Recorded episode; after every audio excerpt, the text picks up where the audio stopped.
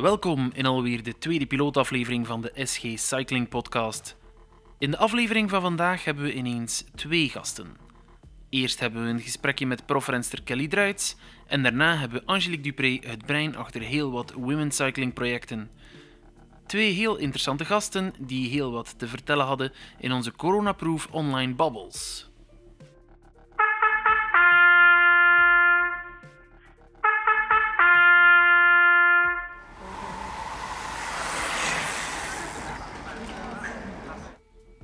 Mijn eerste gasten vandaag is Kelly Druits, de oudste van de vier koersende zusjes uit Wilrijk, mama van twee en nog steeds actief wielrenster bij Chevalmer. In haar jonge jaren behoorde ze tot de absolute Belgische top op de piste met als hoogtepunt winst op het WK Scratch in 2014. De laatste jaren is ze nog steeds een vaste waarde in de top 10 van wedstrijden waar het tij beslecht wordt in de sprint, met hier en daar zelfs nog een mooie overwinning. Dag Kelly, welkom in onze podcast. Ja, goedemorgen. Goedemorgen. Koersen is bij jullie wel echt een uh, familieaangelegenheid. Kan je nog even kort meegeven wie er allemaal koerst bij jullie in de familie? Uh, ja, zeker. Uh, wij zijn eigenlijk met vier fietsende zussen in de familie. ik ben de oudste. Dan heb je Jessie nog, Demi en Lenny. de twee jongsten zitten samen bij mij in, het, in hetzelfde team uh, Chevalmeire. En dan heb je nog mijn broer, Gerry. Die fietst bij de Elite zonder contract. ja. Dat is al niet mis. Dat is een hele organisatie, of dat was vroeger waarschijnlijk al een hele organisatie voor het hele gezin als er gekoerst moest worden. Ja, ja inderdaad, klopt. Dat is uh, dikwijls van de ene koers naar de andere koers als papa voor het tweede. En een hele planning van ja, wie geraakt waar op de koers en hoe spreken we het af. Dus ja, dat is een uh, planning op voor hen te maken. Dat kan ik me levendig inbeelden.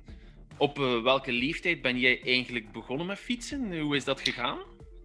Uh, dat was rond mijn 15, 14, 15. Um, ik heb eigenlijk altijd op een heel hoog uh, niveau acro gedaan, dus een soort van uh, turnen. ook op de topsportschool gezeten gedurende twee jaar. Maar dan een valpartij gehad en eigenlijk een kwetsuren waar ik een beetje hinder van bleef ondervinden. En ook een beetje het had gezien bij het turnen. En dan ben ik overgegaan op het triathlonnen. Omdat mijn ouders toch graag hadden, een volledige ontwikkeling hadden van verschillende soorten sporten om niet te focussen alleen op het wielrennen. Want ja, mijn onkel die heeft vroeger gekoerst, klopt. En mijn papa heeft ook vroeger gekoerst. En ze wou echt zo dat ja, ons volledige lichaam echt alles wat kon um, ontwikkelen. En ook een beetje verdere kennis dan alleen de fiets hadden. Dus vandaar die overstap naar de triathlonnen. Omdat we ook altijd wel in de zwemclub zaten. En alleen zo altijd wel van alles deden van sport. En uh, ja, voilà, het was een beetje ja, inderdaad een beetje balanceren tussen verschillende sporten, zodat je eigenlijk effectief kon kiezen op een iets andere leeftijd of oudere leeftijd van dat is hetgeen dat het beste ligt. En uh, bij triathlon en duathlon had ik het eigenlijk een beetje gehad met dat lopen, want dat was niet echt mijn ding. Dus het was vooral fietsen was mijn beste onderdeel. Uh, dus logischerwijs dus, kwam er een stap naar de fiets. Ja, en dan heb ik eigenlijk een vakantievergunning genomen. En dan uh, heb ik zo een uh, wielerwedstrijdje meegedaan als test. En dat was eigenlijk heel goed meegevallen. Dus uh, zo is het eigenlijk langzaam gegroeid. Ja, rond mijn 14, 15 jaar. 15 lijkt me een mooie leeftijd om te kiezen voor één bepaalde sport. Ja, en ik, ik maak me daar alleen maar content mee prijzen. Want ja, die volledige ontwikkeling... Tegenwoordig is het wielrennen ook zo uitgebreid geworden. Buiten het fietsen hebben ze heel veel course ability, specifieke krachttrainingen... Dus ja, ik had er al wel een beetje voordeel van, van turnen. Dat ik ja, al heel, heel goed was in mijn stabilisatie en stabiliteit. Waardoor ik toch wel een goede basis had in het wielrennen.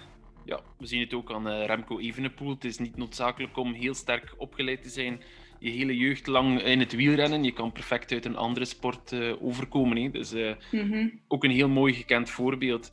Um, als ik me niet vergis, ben jij gevormd op de piste. Um, zou, vind je dat een goede basis voor een wielrenster?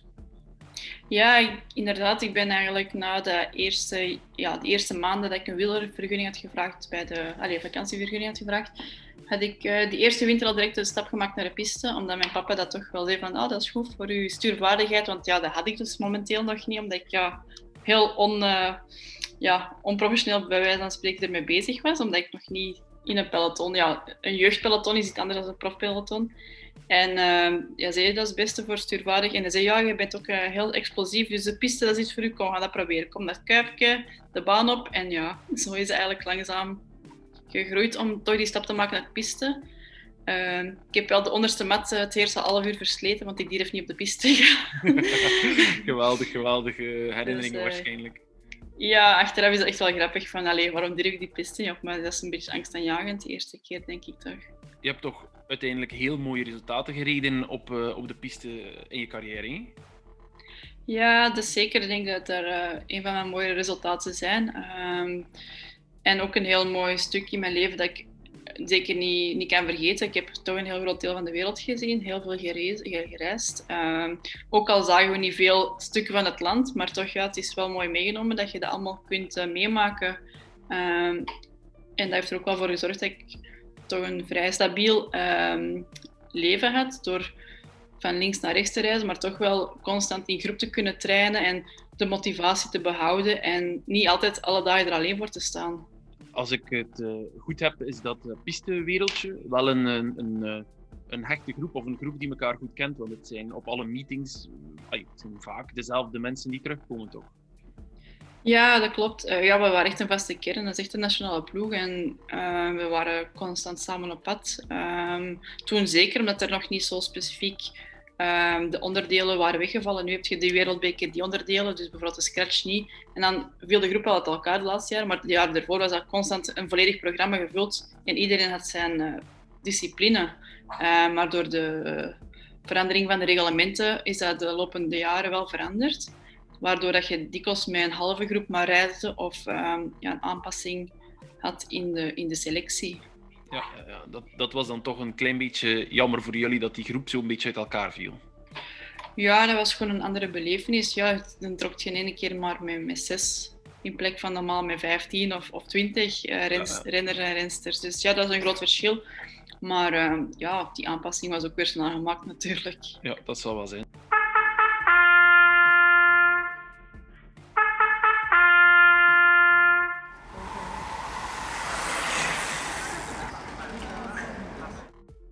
Heb jij er in de, in de jeugdcategorieën nooit zin gehad om er de brui aan te geven? Of ben je altijd super gemotiveerd kunnen blijven? Uh, ik denk dat ik altijd zo gemotiveerd heb kunnen blijven, doordat ik niet echt van bij de minime of de aspiranten ben beginnen koersen. Uh, waardoor ik niet echt uh, snel die verveling of, of de, de uitdaging miste. Um, dus ik denk dat dat wel een belangrijke is, dat, dat, ik daar niet te vroeg mee ben begonnen. Plus ook ja, die variatie tussen het wegprogramma en het pisteprogramma. Dus um, ja, in het wegseizoen stond ik er al natuurlijk iets meer alleen voor. Allee, alleen. Dus je moet je eigen motiveren om s'morgens op te staan, te gaan trainen. Tegenover de piste, ja, je rijdt naar Gent en je weet dat je daar in een groep komt en iedereen moet trainen. En je bent niet alleen op die piste. Het is een heel ander gevoel, denk ik. Ja, en is, dat een, zal wel schelen. Ja, het is een heel andere dynamiek als je in groep gaat trainen op de piste dan als je je eigen jezelf moet motiveren om alleen mm -hmm. op die fiets te kruipen, om dan ja, zelfstandig die kilometers te gaan uh, afmalen, denk ik. Hè? Ja, en zeker in de winter. Ja, de piste was in de wintermaanden, dus dat is altijd al een beetje ja, tristiger weer en iets minder gemotiveerd. Um, en als je dan op een lekkere warme wielerbaan kunt trainen, dat scheelt wel, hè? Ja, zeker. Welke overwinning vind jij uiteindelijk zelf jouw allermooiste overwinning? Um, ja, sowieso mijn wereldtitel. Um, de piste is in uh, Cali, op de scratch. Ja. Dat is ook heel onverwacht. Um, ik wist eigenlijk pas de dag op voorhand dat ik de 2K mocht rijden, omdat we vooral focusten op de ploegachtervolging. Maar uh, ja, door nieuwe reglementen was uh, ook het schema een beetje veranderd van de achtervolging. Normaal is het altijd de eerste dag, maar dat was dan geswitcht met de scratch eerste dag, omdat dat niet olympisch is. En dat was een heel gedoe. Maar ik mocht toch starten snel die fiets omgebouwd, eigenlijk nooit echt op getraind. Want ja, het was altijd ploegachtervolging, tijd in het stuur. Ja. Um, ja, de fiets goed gezet, oh, dat is goed, kom, hè, we rijden hier 2K en ik win. Dus dat was echt heel onverwacht. Vandaar dat het ook wel echt een hele mooie is, omdat je er niet echt uh, op gefocust waard. En dat het gewoon een, een meenemer was, bij wijze van spreken. En ja, het was wel een hele mooie meenemer geworden. Het is dus, wel een hele mooie meenemer, ja. Uh, ja, dus dat was echt wel een, een hele speciale. Uh, en één omdat ik, ja, dat ik nooit zal vergeten. Ja, dat zal wel zijn. Iedere wielrenner droomt wel van een uh, regenboogtrui, denk ik, uh, ooit. Ja, klopt, klopt. Ja, inderdaad. Ik denk ook allee, dat het terecht een hele mooie overwinning uh, is. En een verdiende overwinning. Zoiets krijg je nooit cadeau. Mm -hmm. Klopt. En zeker niet als je er eh, niet echt specifiek op voorbereid was. Nee, nee, inderdaad. Dus dat maakt het des te leuker eigenlijk. Dat zal wel zijn.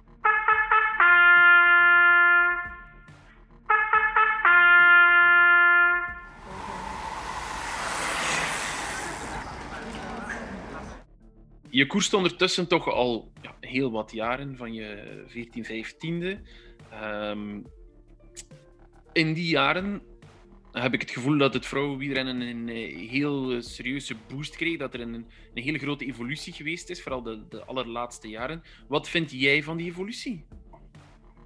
Ja, inderdaad, er is een serieuze evolutie uh, gekomen. Het is allemaal veel professioneler geworden. Het leunt echt heel dicht aan bij het mannenwielrennen, het niveau ook. Ik denk dat dat ook wel wat komt omdat er veel damesteams vasthangen aan de mannenploegen. Waardoor dat ze eigenlijk een voorbeeld krijgen en uh, ja, mooie stages kunnen doen, hoogtestage, professionele begeleiding. Waardoor dat het inderdaad wel serieus geëvolueerd is, het niveau. Um, dat maakt het voor ons als Belg soms wel lastiger, omdat wij niet uh, de capaciteiten hebben, of niet de budgetten, om ook uh, mee te evolueren. Um, ja, wij kunnen er ook niet 100% voor leven. We hebben geen volwaardig inkomen, zal ik maar zeggen, om er 100% voor te kunnen gaan. En dat maakt het wel soms lastig, uh, dat het verschil met de beste buitenlandse heel groot blijft, inderdaad. Ja, ja, maar uh, ja, het is wel echt heel mooi om te zien hoe goed het geëvolueerd is. Want inderdaad, tien jaar geleden was dat ook al een mooi niveau, maar dan was het meer zo, ja, uh, vond het meer zo een ander niveau van uh, vrouwenwielrennen. Zouden vrouwen moeten ook koers, maar dat was zo niet echt van gaan dat op tv, want dat is toch niet interessant. En tegenover nu willen ze het echt in beeld brengen. En ja, je hebt ook echt superveel kijkers naar de Ronde van Vlaanderen voor vrouwen. En dat is wel heel positief. Ja, absoluut, dat snap ik. Dus, maar als ik je goed hoor, zeg je aan de ene kant super positief, want de professionalisering heeft, brengt wel iedereen wat bij en, zorgt wel voor uh, betere structuren hier en daar. En, en verplicht ploegen ook om dat toch iets serieuzer aan te pakken. Uh, aan de andere kant heeft het de dingen ook moeilijker gemaakt, omdat het voor een, een Belgische ploeg wel moeilijker wordt om te gaan uh, strijden met de grote internationale blokken dan. Ja, klopt. Er zijn heel veel grote wielermomenten in België. Zo Ronde van Vlaanderen. Nu komt Parijs-Roubaix er ook nog bij. Absoluut. Uh, als je dan uh, daarbij mocht halftijds gaan werken en hopen op een kleine onkostvergoeding van de ploeg, ja, dan weet je dat je er niet zoals een, een renster van Boos of of trek kunt voor leven. Dat, is, dat is, het niveau is een groot verschil dan. En uh, dat maakt het wel moeilijk om als Belgische renster zijnde uh, het daar tegen op te nemen en uh, vergeleken te worden. Want dat is dan dikwijls ja, op sport dat ze dan zeggen van oh, komt als die Belgische dames blijven hangen. Ja, het zit allemaal bij de basis het probleem eigenlijk. En, en heb jij nooit gesprekken gehad met ploegen om naar dat hogere niveau, naar een van die grotere ploegen te gaan? Uh, ik, heb, uh, ik mag heel dankbaar zijn, want ik heb tien jaar voor uh, Sport Vlaanderen gereden, mm -hmm. waardoor dat ik wel negen jaar voltijds prof ben kunnen zijn. Ja, ook omdat ik op de piste reed, dus ik was echt wel fulltime bezig met wielrennen. Um, ik heb daar dan ook wel echt negen jaar voor kunnen leven. Ik denk dat dat ook wel te zien was aan mijn prestaties. Absoluut, um, Maar de laatste twee, drie jaar, ja, dan moet je echt een beetje balanceren tussen... Um, kan ik een stage doen? Ja, dan nee, want ik moet wel zien dat ik het kan betalen, dat ik het kan vergoeden tegenover toen. Ja, dat, was, dat moest ik. moest dat doen, want ik was 100% prof bij wijze van spreken. Dus dat was geen overweging waard. Ja, zeker weten. Uh, ja, dat begrijp ik, dat begrijp ik. Hoop je dus, om... Uh, zou je ooit nog terug naar een grotere ploeg willen, naar een, naar een profcontract, een full profcontract? Uh, ik weet nu niet of dat mijn ehm, mijn doel daar nu momenteel ligt. Ik denk dat het vooral het doel is om uh, te zien dat ik terug op een uh, goed niveau kom voor mijn eigen. Uh, om terug bij de Beter Belgen te bekomen. Ehm, dat zal wel al een, eh, een mooi bereik zijn voor dit jaar. Allee, -hmm. komend jaar ja, ja, te ja. kunnen behalen. Ehm, maar echt zo 100% prof, ik weet niet of dat nog in mijn mogelijkheid ligt. Ehm, dus ja, het is een beetje een moeilijke. Ja, je hebt ondertussen natuurlijk twee kindjes. We hebben uh, de jongste al even op de achtergrond gehoord daarnet. Um, maar lukt de combo kindjes en koersen wat? Um, ja, met Emilieke heb ik dat eigenlijk heel snel kunnen opvangen. Ja, dat is één kindje, dat kun je makkelijk um, een keer uh, in de fiets steken. Ik heb speciaal een bakfiets aangekocht toen dat zij er was. Uh, zij is ook maar pas als ze tien maanden naar de crash gaan gaan. Uh, dus ik heb er echt altijd zelf voor gezorgd. Eén of twee keer in de week kwam mijn ouders of Kevin zijn ouders een keer oppassen voor twee, drie uur. Maar voor de rest steek ik echt alles op mijn eigen. Um, en dan in het weekend ja, was mijn man natuurlijk ervoor om op haar te passen. Maar nu mijn tweede erbij, dan maakt het wel een beetje moeilijker. Plus ja, het is ook winter nu. Bij Emilieke was het zomer. Dus qua gevoel voor die kleintjes nu mee naar buiten te trekken is al niet echt interessant. Maar uh, ja, ik wil gewoon echt die uitdaging aangaan en ik, ik ga er echt voor 200% voor. En ik ben ook heel, de ploeg heel dankbaar dat ze mij uh, daarin steunen en in willen helpen. En mij toch nog een contract hebben aangeboden.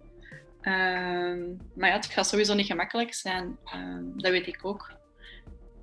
Dat eh, geloof ik wel, maar eh, we zien toch ook dat bepaalde andere rensters uh, na hun dertigste nog hele mooie resultaten rijden. Als je ziet, de, de leading ladies in het internationale wielrennen zijn ook meestal niet de jongste wielrensters, maar toch, uh, als je kijkt naar Annemiek en uh, Marianne, Jolien, zijn toch allemaal niet de allerjongste. Dus ik denk toch dat het misschien nog mogelijk moet zijn. Ja, ja ik zal het sowieso wel proberen. Uh, het is echt de uitdaging waard. Ehm, maar het moet natuurlijk een mooi puzzelstukje zijn dat goed in elkaar valt. En dat is uh, soms even moeilijk zoeken, puzzelen. Uh, maar Elliotje gaat vanaf uh, januari beginnen te winnen in de crash. Dus ja. vanaf maart gaat hij drie dagen samen met zijn zusje gaan. Dus het gaat voor mij wel een beetje bevrijding geven om die drie dagen toch wat meer te focussen op mijn trainingen. En, ja. Dat zal wel, dat zal wel, dat geloof ik onmiddellijk. zou, je zelf, zou je graag hebben dat de kindjes later koersen? Emilie of um, Ik ga ze er een beetje vrij... Allee, we gaan ze er sowieso vrij laten. Uh, we zouden heel graag hebben dat ze iets in de sport doen, maar het kan ook zijn dat muzikanten worden. Allee, dat zijn dingen die wij niet, niet kunnen meegeven. Uh, ik vind dat ze dat eigenlijk echt helemaal uh, zelf moeten voor kiezen of aangeven. Gaat ze helemaal vrij laten. Ja, ik vind, ik vind een kind moet een kind kunnen zijn. En als hij wil sporten, mag je dat van mij sporten. Maar als hij niet wil, dan moet, allez, je kunt het moeilijk verplichten. Maar het zou natuurlijk wel leuk zijn als ze zo wat in de voetsporen treden. Maar ja, je kunt dat niet dwingen, hè. Ik denk het uh, ook niet. Uh, ik, ik, ben ook die mening toegedaan. Dus uh, ik versta het wel helemaal dat je zegt van... Het zou super tof zijn, maar als ze iets anders willen doen... even goed waarschijnlijk. Ja, voilà. Klopt.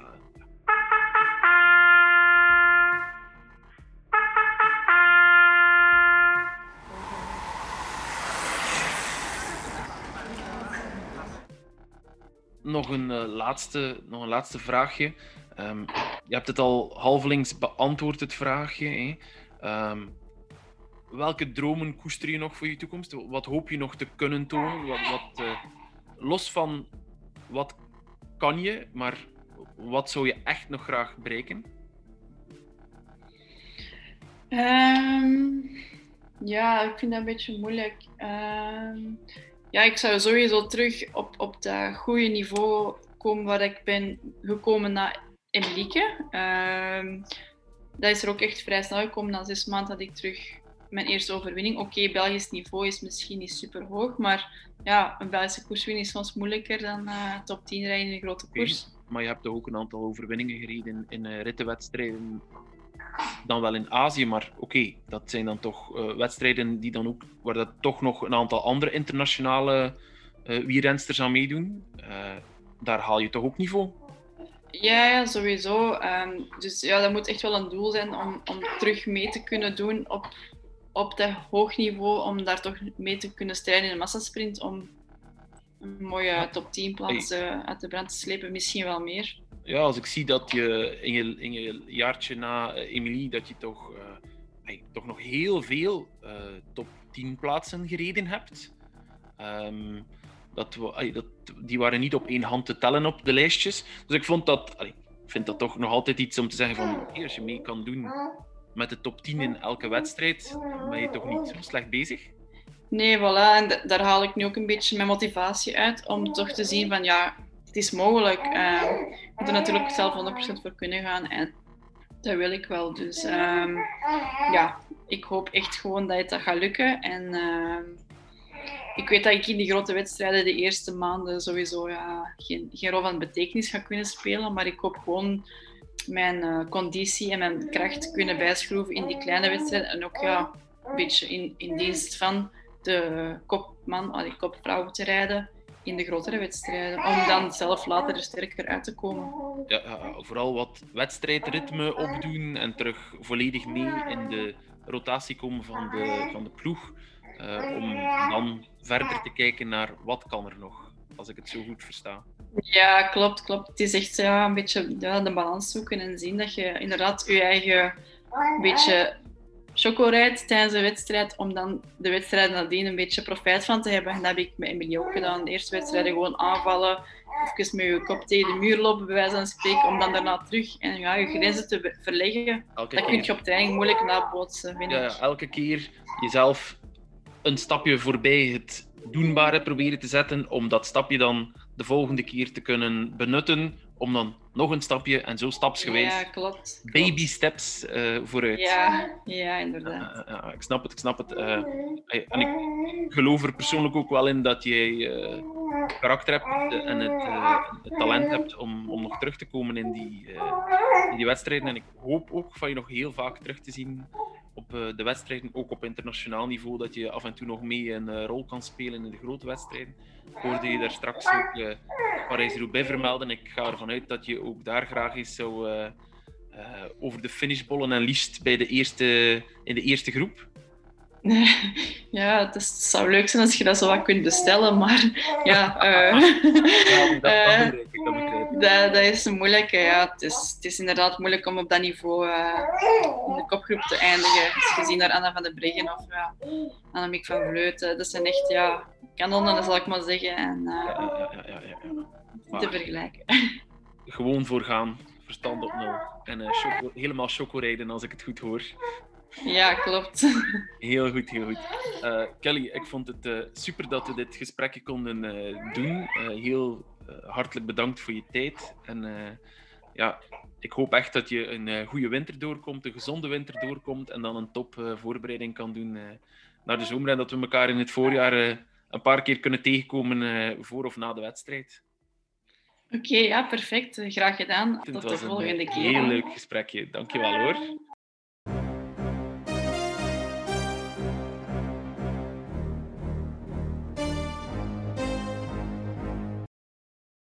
Deze keer niet alleen twee gasten, maar ook een nieuw rubriekje.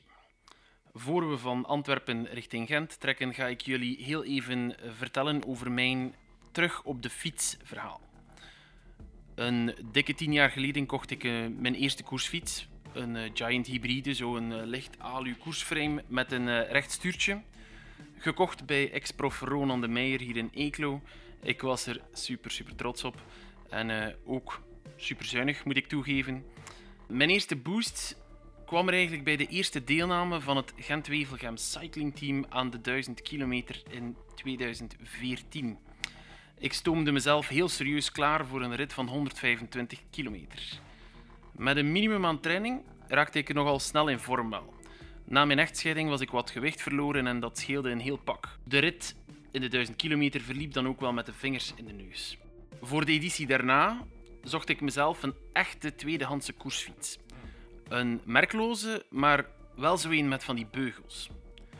Helaas was ik ook op die fiets nogal zuinig. Ik denk dat het dieptepunt moet geweest zijn in 2017, toen ik een paar weken voor de 1000 kilometer eigenlijk moest toegeven dat ik er niet meer in slaagde om mezelf klaar te stomen voor een rit van 125 kilometer. Dat was een heel pijnlijk moment voor mezelf, mentaal een hele zware klap.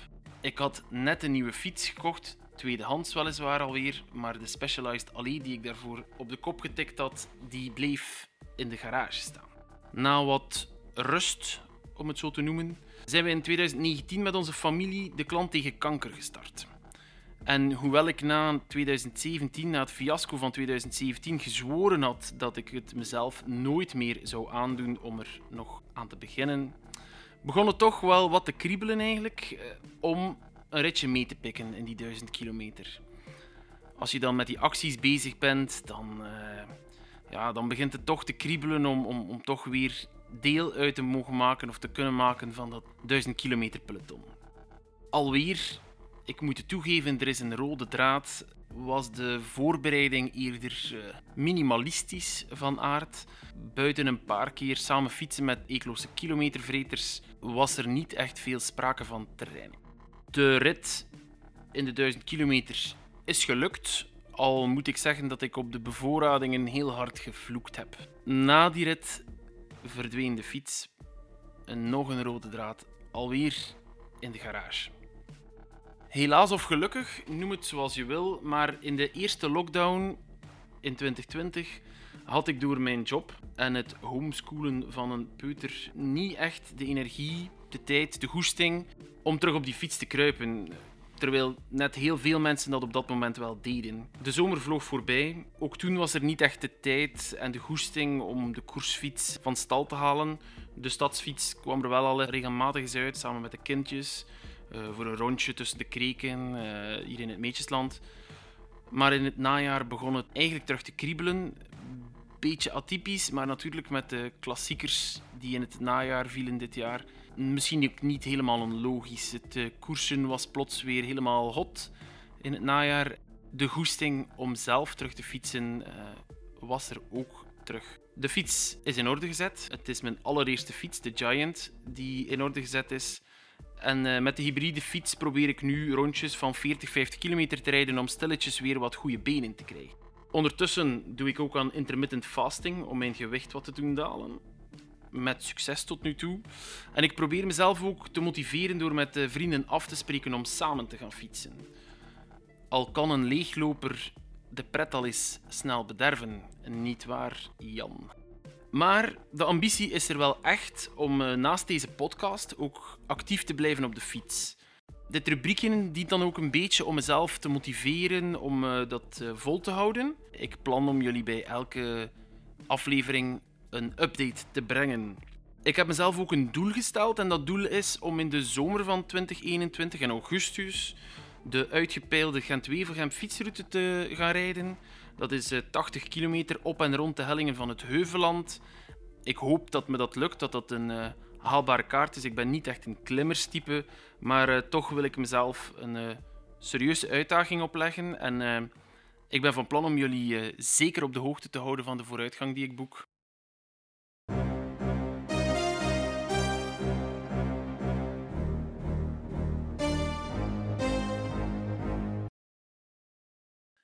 Mijn tweede gasten in deze tweede aflevering is Angelique Dupré. Angelique is moeilijk in twee zinnen te vatten. Ze is een creatieve duizendpoot met verschillende sportieve ondernemingen op haar konto. Freelancer in uiteenlopende domeinen, gepassioneerd door wielrennen en auteur van twee prachtige wielerboeken. Welkom in onze podcast, Angelique. Dankjewel, Pieter. Blij dat ik hier uh, mag zijn. Het is ondertussen al een tijdje dat onze wegen regelmatig eens kruisen. Kan je ons vertellen hoe jouw interesse in het wielrennen eigenlijk ontstaan is? Ja, daarvoor moet ik wel al even terug naar begin de jaren 2000. Uh, eh, dat is al even geleden, hè. is bijna 20 jaar nu dat ik erover nadenk. Um, ik was eigenlijk atlete, dus ik deed atletiek, vooral uh, de korte nummers, daar was ik goed in. Uh, maar door aanhoudende blessures zat ik eigenlijk veel meer bij de kine dan, dan dat ik op de atletiekpiste stond op een bepaald moment. En ik ben eigenlijk via de kinesist een beetje beginnen fietsen. Uh, eerst als revalidatie en in het begin vond ik het eigenlijk maar niets. En ik had ook eigenlijk echt niets met wielrennen. En ik snapte ook niet dat iemand zo'n heel namiddag naar de Tour de France of zo kon kijken. Uh, en ik nam eigenlijk zelf ook niet zo heel veel de fiets. Uh, maar ik heb mij dan toch uh, een tweedehands koersfiets aangeschaft. Een, uh, een Gianni Motta, een gele. Als ik er nu aan terugdenk, denk ik, oh my god. Maar um, ja, ik heb die dan aangekocht en ben zo een beetje beginnen fietsen met mijn papa en met een buurman ook. En ook met een ex-profielrenner, Erik van de Wielen. Ik weet niet of dat een naam is die een belletje doet rinkelen, maar het is al um, jaren zeventig, dus lang geleden ook, dat hij profielrenner was. Maar eigenlijk via die mensen zo beginnen fietsen. En, en stilletjes aan is dat vlammetje toch um, ja, beginnen, uh, beginnen branden. En, en, en is het eigenlijk nooit meer, uh, nooit meer gedoofd. Ja, ondertussen heb je eigenlijk al heel wat watertjes doorzwommen. Als ik je cv even bekeek op LinkedIn, was dat al uh, behoorlijk indrukwekkend. Um, en ondertussen heb je ook een hele grote community rondom jou verzameld. was dat dan op een bepaald moment het doel van ja, ik ga iets doen en ik wil een community verzamelen? Of, of hoe, hoe is dat gegaan? Ja, Goh, eigenlijk is dat heel natuurlijk gekomen. Dat was niet echt zo mijn plan of mijn doel in het begin. Ik ben eigenlijk dan, ja, als ik begon te fietsen, fietste ik heel veel met mannen. Ik ben dan ook eh, aangesloten bij, bij een, wielerclub waar dat er ook alleen maar mannen waren. Ehm, en op een bepaald moment, ja, rond 2008 denk ik, dacht ik wel zo van, ga ja, er moeten toch nog vrouwen zijn zoals ik die ook uh, willen fietsen. En die mannen die fietsen soms wel iets te snel. Dus ik, was ook wel op zoek naar, naar een ander tempo soms. En um, dan dacht ik van ja, als er niets is, dan moet ik het misschien dan maar zelf doen. En dan is het eigenlijk heel, heel laagdrempelig begonnen met een, een event te organiseren voor, voor fietsende vrouwen. Dat was in, in 2009. En dat was in het Centrum van Vlaanderen in Oudenaarde. Uh, het was eigenlijk een toertocht, maar alleen voor vrouwen. En ja, ik denk dat daar toen 180 vrouwen of zo waren. En allee, wat dat voor die tijd eigenlijk echt wel een mooi, uh, mooi aantal was. En dat is eigenlijk een beetje de start geweest. Dat was eigenlijk uh, ja, daarmee begonnen. En dan ben ik ook workshops fietsherstel beginnen geven. Um, uh, ook zelfs nog start-to-bike cursussen, helemaal in het begin in samenwerking met gemeentes en steden. En, uh, en zo is dat eigenlijk heel, ja, heel laagdrempelig, heel klein begonnen. En is dat eigenlijk altijd een beetje groter geworden. En, en, en ja, vrouwen zijn ook dan meer en meer beginnen fietsen. En, en voilà, ja. Ja, ondertussen kunnen we wel stellen dat het, uh, dat het vrouwenpeloton, het, amateur vrouwenpeloton, gigantische proporties aanneemt. Ik denk dat 2020 echt wel uh, booming was op dat vlak.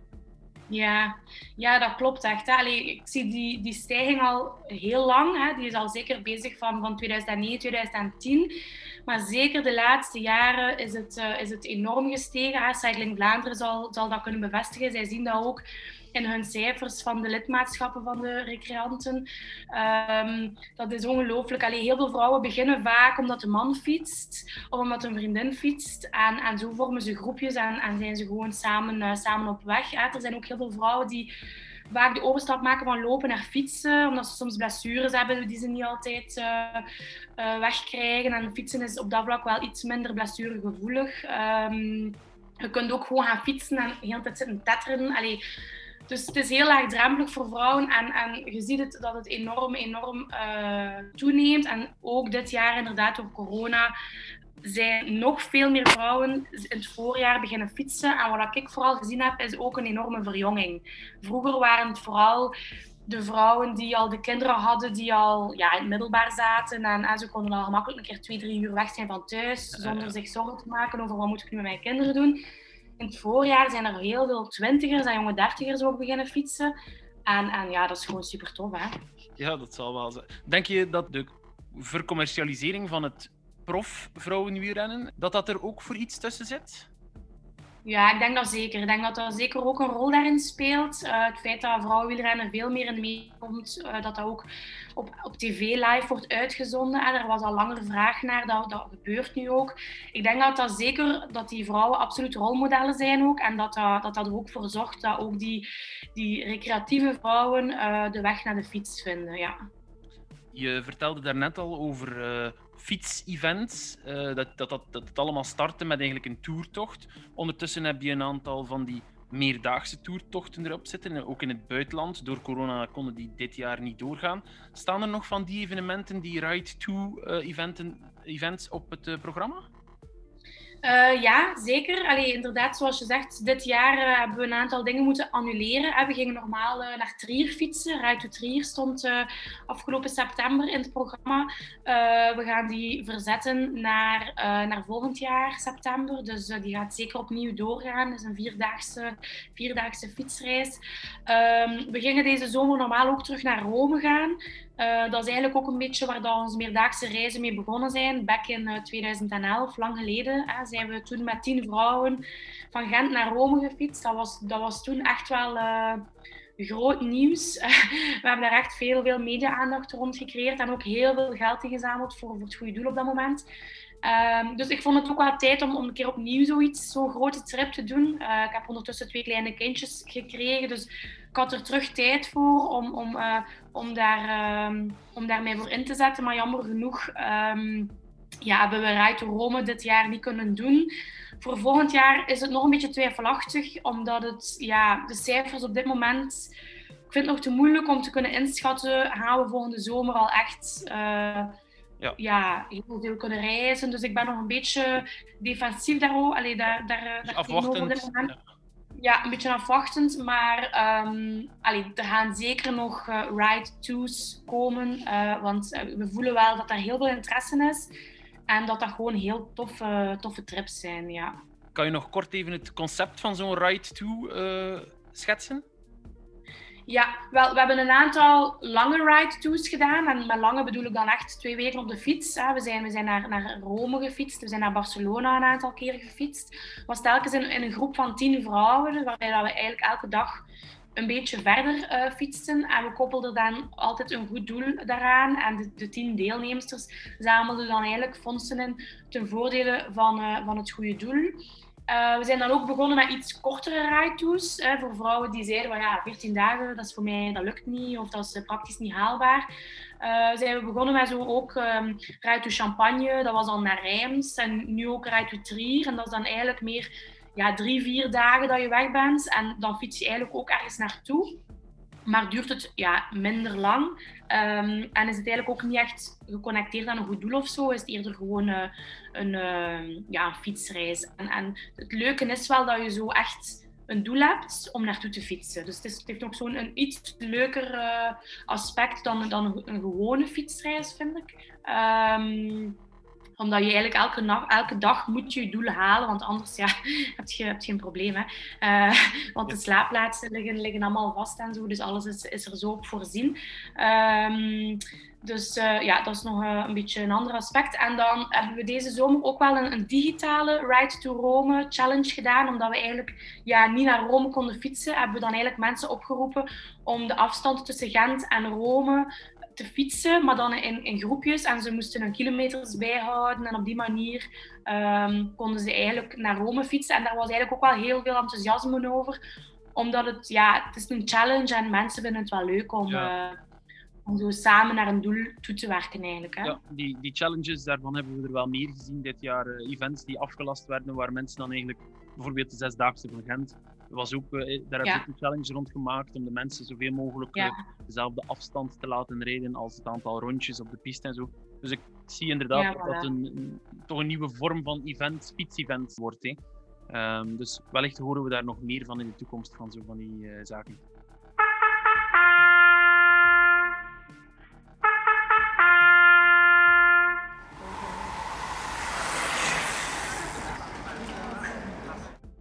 Gaan even dieper in op Little Black Bike. Little Black Bike is een kledingmerk dat jij opgestart bent. Stijlvolle fietskledij voor dames. Um, van waar kwam dat idee? Um, ja, wel. Eigenlijk, um, uh, als ik terugkijk naar helemaal in het begin opnieuw, hè, als ik helemaal in het begin begon te fietsen, dan was er niets voor vrouwen. Hè. Dan was het echt gewoon hier is uw broek met mannenzeem uh, en uw lelijk truitje met uh, 20 sponsors op. Uh, maar goed, ja, dat was het. Dus ja, ik stelde mij daar op dat moment ook weinig vragen bij, uh, begin jaren 2000. Um, ehm, en dan is er zo rond, rond ja, ook opnieuw zo rond 2009, 2010 begonnen wielermerken uh, de grote dan, hè, Castelli en zo, die begonnen wel met, met truitjes en, en, en broekjes en zo speciaal voor vrouwen. Uh, maar dat was wel altijd heel cliché. Allee, zo met de roze hartjes en de, de roze bloemetjes. En, allee, snap je wat ik bedoel? En um, eigenlijk op dat moment was ik daar blij mee. Omdat ik echt dacht van, alright, eindelijk iets voor vrouwen. Hè, want wij moeten toch echt wel iets anders kunnen dragen dan mannen en zo. Uh, dus eigenlijk in het begin ben ik daar ook helemaal in meegegaan. En we hadden ook zo roze, roze tenuutjes en zo. Maar zo na een paar jaar denk je zo wel van, ja, is dit het nu? Allee, kan er ook niet iets anders bestaan, los van alle uh, roze clichés? Uh, is er niet, mag het niet wat meer pit hebben? Mag het niet wat meer stijlvol zijn? Um, dus allee, dat, was, zoiets dat ik rond, rond 2015 begon over na te denken. Um, en waar ik eigenlijk ja, begon dan meer te zoeken naar, naar merken en zo. En er was echt wel al een mooi aanbod, een groot aanbod ook. Maar ik vond dat er echt wel nog ruimte was voor, uh, voor stijlvol op de fiets. En, en, en het gevoel hebben van, oké, als ik hier nu straks met mijn uh, outfitje nog straks even bij de bakker binnen moet, of de Delijze binnen moet, om iets te, een brood te gaan halen, of ik wil nog een terrasje doen achteraf, dan wil ik er toch niet uitzien als, uh, als een, uh, ik weet niet, reclamebord. Of, allee, dan wil ik toch echt wel ook het gevoel hebben van... Een kinderkleurboek eigenlijk. Weet wat, ja, voilà, inderdaad. Tussen een reclame, wandelende reclamebord of een beetje een kinderlijke, vrouwelijke aanpak. Ja, voilà, inderdaad. Dus ik dacht, er is echt wel ruimte voor iets. Um, en zo ben ik een beetje beginnen onderzoek doen en beginnen praten met mensen. En, en eigenlijk zo is de start gekomen van, um, van Little Black Bike, ja. Ja, ondertussen is het wel al uitgegroeid. Als ik even op de website keek, dat zijn toch al behoorlijk wat modellen, uh, verschillende ontwerpen en zo, die, die daar ter beschikking zijn. Um, toch indrukwekkend ja, ik, ik, ik probeer zo'n beetje mijn eigen, uh, mijn eigen weg, mijn eigen pad te volgen. ik probeer niet te veel na... Allee, ik denk er wel over na, maar ik probeer niet te veel uh, mij te laten afleiden van, van wat andere merken of, of andere initiatieven zijn. Dus ik probeer echt zo wel mijn eigen, mijn eigen stempel erop te zetten. En, en, en soms denk ik wel van, ga, moet het niet sneller gaan? Maar anderzijds denk ik ook van, ga nee... Het is, het is oké zoals dat is. En, en, en stap voor stap groeien is, is, is helemaal oké. En we hebben zeker al, al heel wat mooie dingen uitgebracht. Er staan nog heel veel dingen op mijn verlanglijstje van allemaal toffe dingetjes die ik wil uitbrengen. Uh, we, gaan, we zijn nu ook bezig met dingen voor te bereiden voor in het voorjaar een aantal nieuwe dingen te lanceren. Um, dus zolang dat die goesting er is en zolang dat, dat de mensen ook blij zijn met wat, met wat we doen, is het voor mij echt, is het voor mij echt geslaagd. En, en ja, um, stilaan groeit het. En, en, en ja, het is gewoon tof. Het is gewoon heel leuk.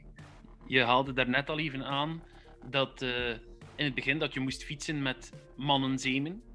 Um, daaruit leid ik af dat er ook vrouwenzemen zijn. Um, wat, is net, wat is nu eigenlijk het verschil tussen uh, kledij voor vrouwen en kledij voor mannen? Uh, waarom is dat verschillend? Maar ik denk, voor alle duidelijkheid, denk ik niet dat er zo heel veel grote verschillen zijn. In die zin dat bijvoorbeeld de stof en zo, waar, waarop, waaruit het gemaakt wordt, is, is identiek hetzelfde. Uh, ik denk dat het vooral gaat over pasvorm. Uh, ik denk dat daar wel een, verschil in zit. Hè. Wij zijn eenmaal anders gebouwd dan, mannen. Dus daar zit uiteraard wel een verschil. Maar naar, naar gebruikte stoffen en zo toe zit er, is er eigenlijk geen, geen groot verschil. Uh, waar dat, het grootste verschil dat je kan maken zit vooral in de print. In wat, dat je, wat dat je op je kledij ehm, Bij mannen zal dat misschien iets stoerder zijn. Uh, en bij vrouwen zal het, zal, het, zal het iets anders zijn. Maar voor alle duidelijkheid, ik vind ook dat er sommige uh, merken bestaan en, en, en ook designs bestaan die eigenlijk perfect voor beide passen. Um, dus uh, ik heb mij nu heel, erg, heel hard gericht op, op die vrouwenmarkt. Maar ik zie heel vaak ook toffe, toffe outfits passeren waarvan ik denk, oh, dat zou ik als, als, als vrouw dragen. En dat zou mijn man eigenlijk ook wel kunnen dragen. Dus uh, in, in, in, C is daar, is daar niet zo een heel groot verschil. Ja, ik ging ook net hetzelfde reageren. Er zijn ook dingen bij die best wel uh, unisex kunnen beschouwd worden. Hè? Ja. ja. speelt de snit dan meer het, uh, de, de rol, ja. de doorslag. Um, ja, de pasvorm en het zeem. Allee, dat zijn voor mij de twee dingen die, die het grootste verschil maken. Dat is duidelijk.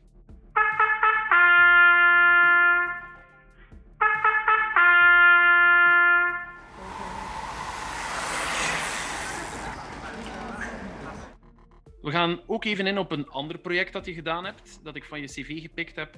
Een project voor fietsfabrikant Eddy Merckx. Daar heb je een leuk projectje mee gedaan. Hoe is die samenwerking ontstaan? Ja, dat is uh, al even geleden ook. Maar dat was, zij, zij waren eigenlijk bezig met het ontwikkelen van, van fietsframes voor vrouwen. En zij hebben mij eigenlijk zelf gecontacteerd uh, omdat ze op zoek waren naar een aantal vrouwelijke ambassadeurs. Hè. Ze, zij worden een beetje de early influencers, zal ik maar zeggen. Hè. Dat was toen nog geen woord, maar um, dat was denk ik 2011, 2012. Um, en zij waren eigenlijk op zoek naar een aantal vrouwen die zij wilden inzetten als ambassadeur. Ik was toen al wel bezig met mijn, projectjes rond, rond vrouwen en fietsen. Dus ik, ik ben daar dan ook uh, uh, op ingegaan. Dus wij zijn eigenlijk eerst op die manier beginnen samenwerken. En dan, ik denk ongeveer een jaar later of zo, ben ik ook inderdaad bij hen uh, terechtgekomen als, als freelancer. En heb ik ook meegewerkt op, op de marketing van, van het merk. Niet alleen het vrouwenmerk eigenlijk, maar ook wel de mannen, de mannenfietsen. Ja. Ja, ja, ja. Dus je hebt als ik het goed heb, een strategie uitgezet voor hun vrouwencollectie. Ik las onlangs een interessant uh, blogartikel dat stelde, misschien wat kort door de bocht, maar dat vrouwenfietsen eigenlijk puur marketing zijn. Dat dat gewoon de kleinere maten van de mannenframes zijn, die ze dan in een fancy kleurtje spuiten. Uh, liefst roze, zoals hij net zelf zei. Nogal cliché meestal. Is dat een terechte kritiek of is dat te kort door de bocht? En kan je zeggen, er zijn wel wezenlijke verschillen tussen mannen- en vrouwenmodellen? Uh, dat is een, een heel uh, interessante vraag, Pieter. Um, nu, voor alle duidelijkheid, ik ben geen ingenieur. Uh, nee, dat maar... helemaal niet. maar ik heb wel altijd iets heel interessants onthouden van de ingenieur die voor Eddy Merckx toen werkte. Dat was Dave Luiks. dat is echt iemand die die uh, ja, ingenieur is van, van fietsframes en die momenteel ook een, heel succesvol bedrijf is aan het uitbouwen rond uh, vernieuwende materialen en fietsframes. Dus echt wel heel interessant. En wat mij altijd bijgebleven is van hem, is dat hij zei van het klopt inderdaad dat een deel van de merken uh, zeker uh, ja, vrouwenframes uitbrengt als als marketing, hè, waarbij dat er eigenlijk niet zo heel veel verschil is met, um, met de mannenfietsen, dat klopt. Maar uh, bij, toen dat ik bij Marx werkte, herinner ik me vooral dat hij um, over die frames vertelde van oké, het klopt, hè, je hebt ook vrouwen die um, ja, die bijvoorbeeld brede schouders hebben of die een meter tachtig zijn. Allee, je kunt niet zeggen van elke vrouw moet op een kleiner frame zitten of zo. Uh, want je hebt ook nu eenmaal vrouwen die, die, ja, die niet aan uh, uh, de typische vrouwelijke rondingen of zo voldoen. Allee, ik bedoel, er is niet één vrouw. Hè. Nee, nee, dat is duidelijk. Ehm, ja, en... Um, wat ik mij vooral herinner en, en wat ik altijd gewoon onthouden heb, is het grote verschil tussen mannen en vrouwen is, uh, is gewoon dat vrouwen hebben een vagina en mannen niet. Dus als je op je fiets zit en je zit als vrouw, uw, uw hoek naar je, naar uw stuur toe is te klein, ja, dan kun je geen uren op een fiets blijven zitten. Uh, dat zou gewoon veel te veel pijn doen. Dus wat ik me herinner is dat hij die fietsframes voor vrouwen specifiek gebouwd heeft met dat idee in het achterhoofd dat als vrouw iets rechter moest gaan zitten of dat in een hoek iets groter moest zijn om, om eigenlijk ja, je schaamstreek gewoon te ontlasten. Um, en, en dat is geen marketing, dat is gewoon uh, ja, proven fact dat, dat we anders gebouwd zijn op, op dat vlak. Um, maar allee, nogmaals, hè, ik, ben, ik ben zeker geen ingenieur. Uh, ik, ik, ben eerder een marketeer. maar uh, ik, ik, denk dat het echt dubbel is. Ik denk dat er zeker fietsfabrikanten zijn die dat hebben uitgebracht, specifieke damesframes. Echt vanuit gewoon het idee van hè, we gaan goede marketing doen en dat gaan verkopen. Maar wat ik gezien heb bij die merken is dat wij echt wel daar onderzoek naar gedaan hadden en dat er echt wel een specifiek frame was specifiek voor vrouwen.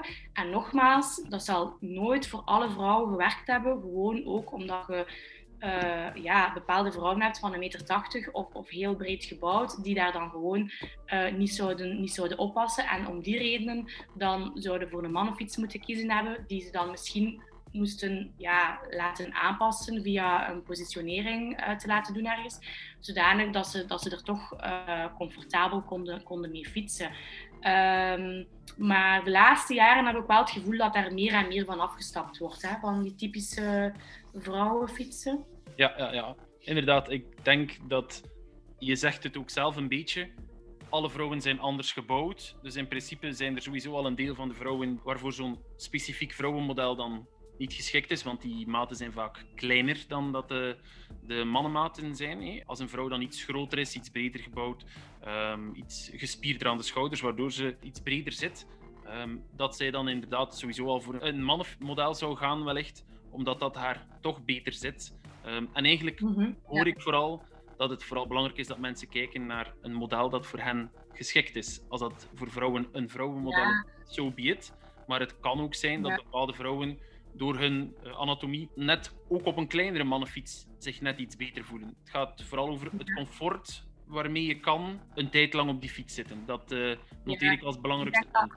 Ik denk dat dat inderdaad comfort is het allerbelangrijkste. En als dat mijn mannenframe is, allee, dan, dan is dat mijn mannenframe. Allee, en ik denk echt dat je door, door fietspositionering te laten doen en door een, aangepast zadel eh, erop te laten zetten of door een, een, een breder stuur of whatever. Allee, je kunt bijna alles aan je fiets wel, Ja. wel veranderen hè, om, om je positie beter te krijgen. Dus, dus eh, ik denk ehm, dat dat soms meer kan doen dan, dan, eh, dan enkel het frame. Eigenlijk is dat een, eh, toch ergens een deel, het verhaal van het marketinggewijs, de kleurtjes op een mannenframe dat wat kleiner is, eh, dat dat wel kan kloppen, omdat dat gewoon ook kan werken.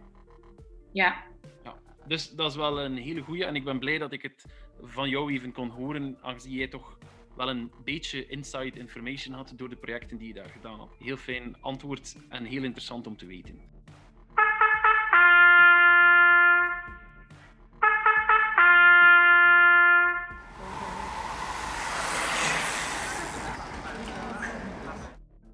Je hebt ook al twee boeken geschreven. Eentje ervan wordt binnenkort in Duitsland uitgebracht. Dat moet eh, een heel leuk gevoel zijn. Proficiat daarvoor trouwens. Ja, dankjewel. Ik was heel erg verrast. ik had het niet zien aankomen. Ah, oké, dat, is wel- dat is heel leuk als je daar zelf niet echt actief mee bezig geweest bent. Dat er dan zo'n mooie dingen in je schoot geworpen wordt. Ehm, ik ga er ook vanuit dat het wel is, omdat het boek zeker ook de moeite waard was. Hè, omdat het hier in België toch zeker zijn strepen verdiend heeft dat het eh, naar Duitsland gaat. Kan je nog even zeggen welke twee boeken het juist waren dat je geschreven hebt en waarover ze juist gaan? Ja, eh, dus het eerste boek was eh, De Koers is een vrouw. Dat is een, een boek dat ik samen met Eva de Poorter heb geschreven. Eva de Poorter is eh, journaliste bij, bij het Nieuwsblad. Wij zijn alle twee wel, wel, wel fervente koersliefhebbers. En eh, wij hadden eigenlijk het idee om een boek te schrijven rond ehm, een beetje een, een vrouwelijke kijk of een vrouwelijke invalshoek eh, op de koers. Eh, het is zeker geen boek dat enkel voor vrouwen geschreven is. Zeker niet. Er staan heel veel verhalen in die, die je als man ook eh, ongetwijfeld heel graag zal lezen. hè. Ik denk dat jij wel een exemplaar hebt, Pieter. Ik heb een exemplaar. of- Ik was een van de eersten die een exemplaar had. Eh, Voilà. Ik heb Eh, een gesigneerd exemplaar zelfs. Eh, wel, dus het, is, eh, het staat heel veel verhalen in eh, over vroeger, over nu, over eh, mensen die in de koers werken. Hè, een aantal vrouwen die in de koers werken ook. Eh, ehm, dus het is heel uiteenlopend. Het is, het is eigenlijk ook een boek dat je niet noodzakelijk van, van, van achter naar voor moet lezen. Hè, doordat, doordat, er zoveel, doordat er zoveel aparte verhalen in staan, kan je het eigenlijk gewoon eh, pick and play eh, lezen zoals, dat je, zoals dat je het zelf wilt. Ehm, ik ben er nog altijd heel fier op, omdat we eigenlijk wel ehm, ja, toch een keer zo'n andere blik hebben kunnen werpen op, ehm, op koers. En en ik ben ook wel dankbaar dat we die kans hebben gekregen van Lano, hè, want het is, het is nog niet zo heel lang dat, dat ehm, ja, vrouwen en koers zo wat, hè, wat meer aan bod komt. En, en dat we die kans hebben gekregen om dat boek te schrijven, daar ben ik wel heel dankbaar voor. En we hebben ook zoveel fijne mensen ook kunnen interviewen. Ehm, dus eh, het was wel een, een, een, allee, een stevig werkje om, alles eh, rond te krijgen. Maar eh, ja, het is toch wel iets dat ik, dat ik heel graag gedaan heb en waar ik heel fier op ben. Ik heb het boek gelezen, met heel veel plezier gelezen. Ik vond het een supergoed boek. Het is ook een heel mooi boek. Eh, het, het had ook hele mooie foto's. Ehm, eh, ja, we zijn nog samen op stap geweest ook, hè Pieter? In de omloop het nieuwsblad. Ja, zeker. De omroep eh, Sylvie Bonne heeft die foto's gemaakt, als ik niet Ja. vergis.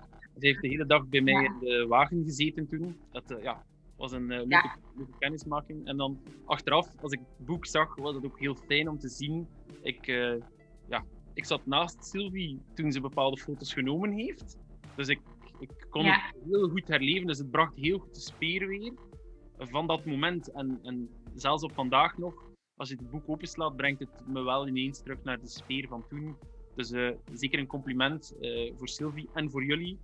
Voor die juiste foto's eruit te kiezen om te gebruiken in het boek die die sfeer brachten. Ja, ja, ja Sylvie is natuurlijk echt uh, ja, een heel goede fotograaf ook. Dus we waren ook heel blij dat zij uh, betrokken was in het project en uh, zoveel mooie, mooie wielerfoto's voor ons heeft genomen.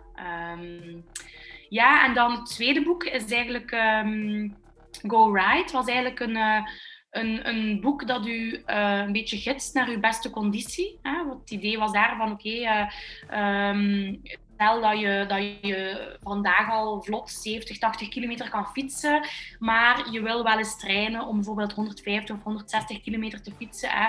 Een, een mini-ronde van Vlaanderen bijvoorbeeld te doen. Um, dan heb je wel wat gerichte training nodig. En daar heb ik eigenlijk dan... Um, uh, mijn, mijn, mijn uh, achtergrond als uh, student lichamelijke opvoeding een beetje naar, naar boven moeten halen.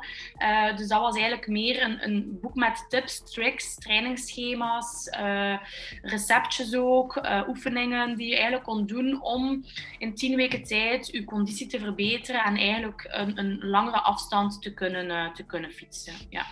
En het is het laatste boek dat nu vertaald wordt naar het Duits. Ja, het is al vertaald, want ze stuurden het door. En ze vroegen, is het goed? En ik dacht, ja, ik weet niet, mijn Duits is niet zo goed. ik kreeg zo de Duitse versie en ze vroegen, heb je feedback? En ik dacht, uh, I don't know. Um, maar uh, ja, nee, inderdaad. Er was inderdaad een, een, Duitse uitgeverij die heel graag een boek wou brengen rond, rond uh, ja, fietsen en, en ook wel vrouwen naar fietsen. En, en met trainingsschema's en zo. Eigenlijk wouden ze doen wat ik al had gedaan. En dus hebben ze gewoon geredeneerd van, ah ja, oké, moeten we eigenlijk wel dit nog from scratch schrijven als het in België al bestaat.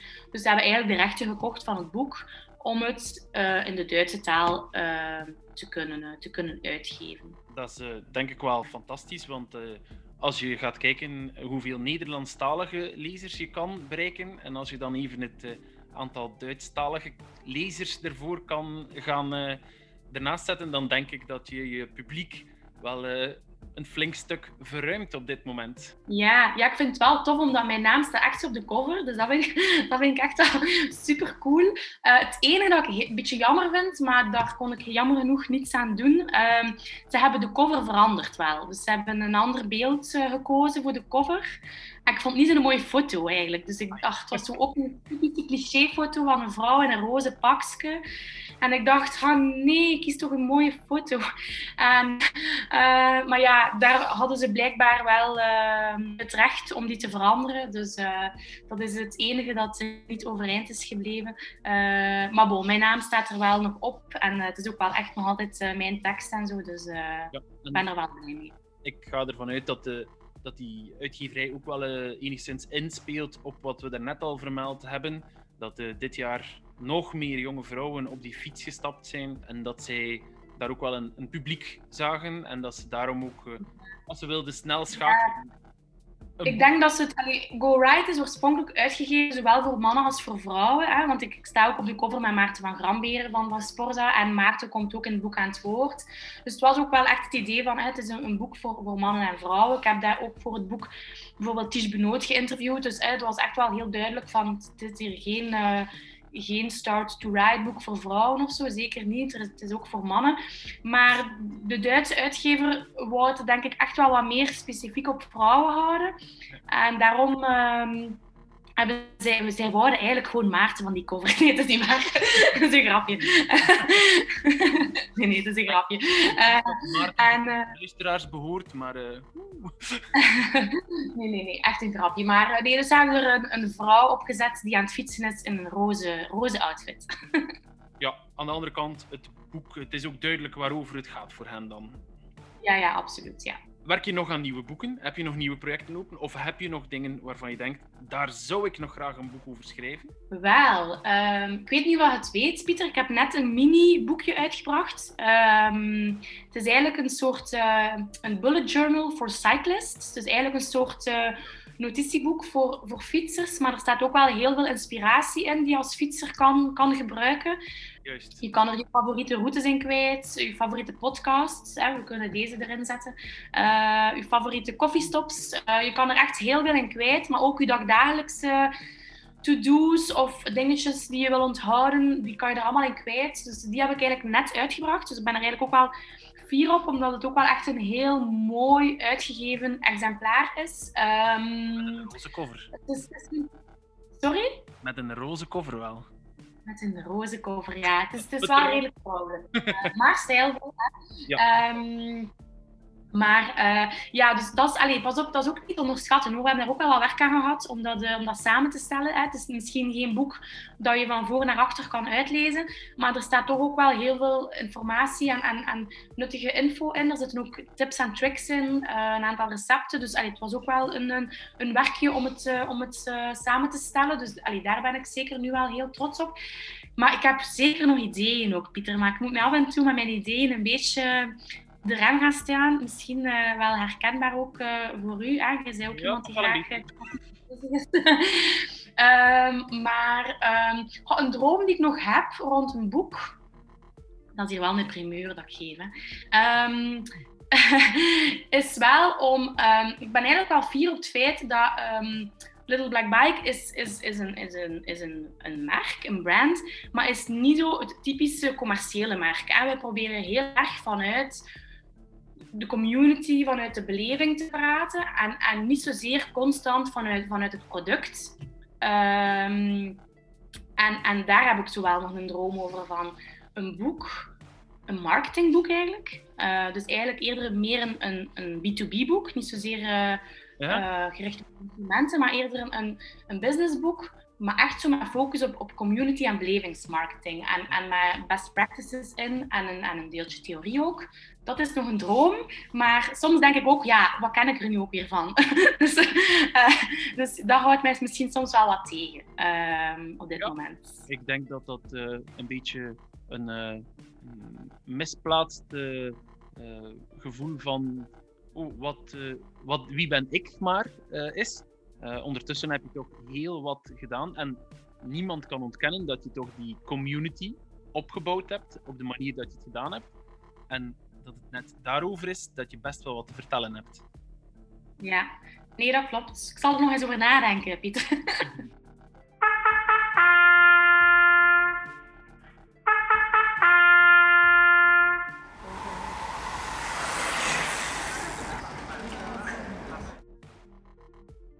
het is, als ik het zo hoor, toch altijd een van je missies hè, met die community om vrouwen op een fiets te krijgen. Eigenlijk is dat niet meer nodig, hè, Pieter, want ze fietsen al allemaal. Ja, oei. Dan, dan wordt nee, waar. stilletjes overbodig. Nee, nu, nu, wordt dan de missie om ze op de fiets te houden misschien. Hè? Maar er zijn ongetwijfeld nog altijd meisjes of vrouwen die, die wel zoiets hebben van... ik zou dat wel willen doen misschien, maar oh, hoe begin je daaraan? Kan je, om, om af te sluiten, die mensen, die meisjes, die vrouwen, een tip geven? Of, of even op weg zetten van, zo begin je eraan? Ja, er zijn superveel toffe initiatieven hè, die al bestaan, waaraan dat ik denk spontaan is bijvoorbeeld een zijproject van Cycling Vlaanderen. Hè, dat is dan heel specifiek gericht op, op meisjes die willen starten uh, met koersen. Uh, die willen eigenlijk meer meisjes in de koers krijgen. Dus dat is een project waar dat ik spontaan aan denk. Hoe heet dat project van uh, Cycling Vlaanderen ook alweer? Zij aan Zij. Ja, Zij aan Zij, inderdaad. Dat was de naam van het project. Ik kon er even niet opkomen. Misschien zet ik ook een link onder het, uh, onder het gesprek in de beschrijving. Ja, uh, dus dat is zeker een, een heel toffe community. Allee, dat is geen community, maar een initiatief dat vorig jaar is gestart. en daarnaast zie ik eigenlijk heel vaak nog, nog groepjes opduiken van fietsende vrouwen die zich, die zich verenigen. Dus ik denk, nee, er is voor elk wat wils. Je vindt ook, als je, als je eventjes zoekt uh, op Google, vind je zoveel tips en tricks en, en Facebookgroepen. En, en um, er is zoveel. Allee, dus je kunt echt niet meer zeggen als vrouw, ik weet niet uh, hoe ik er moet aan beginnen. Uh, ik denk dat je heel snel dingen kan vinden. Hè. Je kan het boek Go Ride kopen. Om, dat is nu eens een nee. Schaamteloze zelfreclame.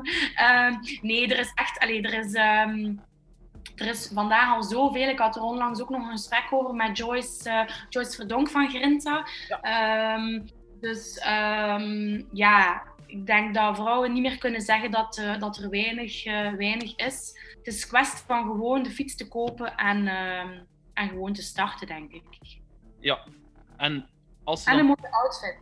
en de gepaste outfit. Dus eigenlijk, als ik het goed hoor, je koopt een fiets. Je zorgt dat je een Little Black Bike outfit hebt. In het beste geval. Je koopt het boek Go Ride. En eigenlijk ben je dan eigenlijk al zo goed als vertrokken. Eigenlijk wel, ja. ja, ja. En, je, en je neemt mee en je neemt deel aan onze rides. Yep. Dus eigenlijk eh, bied je wel een totaalpakket aan. Ja, dat proberen we wel te doen. Hè. We proberen echt wel, eh, echt wel allee, voor, voor, voor elke, hoe moet ik het zeggen, voor elke fietsende vrouw wel iets, eh, wel iets aan te bieden. Hè. Is het niet een boek, dan is het een, eh, een fietsoutfit of een, eh, een van onze fiets. koffiebekers of een, een journal voor vrouwen. Of, en er komen nog zoveel toffe dingen aan in het voorjaar, zoals sokjes en zo. Dus voor elk wat wils eigenlijk, Pieter. Dat is heel leuk dat je eigenlijk uiteindelijk zo goed als iedere mogelijke fietser, vrouwelijke fietser, aanspreekt met eh, Little Black Bike en met jouw community. Ehm, ik wens je alvast nog super veel succes verder. Ik hoor dat er nog super veel leuke projecten aan zitten te komen. En dat, ik ben al heel nieuwsgierig natuurlijk naar al die projecten die nog komen. Eh, maar eh, ik zou zeggen aan iedereen: volg de pagina op Facebook of op Instagram. Ik plaats ook de links onderaan. En dan zijn de mensen sowieso mee op de hoogte. Dan volgen ze mee wat er gaande is bij Little Black Bike. Ehm, ik wil je hartelijk bedanken voor dit gesprek. En ik, eh, Dank u wel. Ik wil jou bedanken ook. Eh, heel tof dat ik hier eh, te gast mocht zijn. Ja, super. Ik ben heel blij dat je wou te gast zijn eh, voor dit leuke gesprek. Je had heel wat te vertellen. Dus, dus eh, ik denk ook dat het hele nuttige info was voor de mensen. Dus Ik hoop het, dat ik een beetje heb kunnen inspireren ook. ik twijfel er niet aan. Ik hoop vooral dat we elkaar volgend jaar bij de voorjaarsklassiekers regelmatig eens mogen tegenkomen op de vrouwenwedstrijden. Eh, Ik hoop het ook. Ergens langs de weg, weet ik veel waar. Dat we elkaar toch even kunnen tegenkomen. Ja, ik hoop het ook. Dank je wel. Dank u wel, Piet.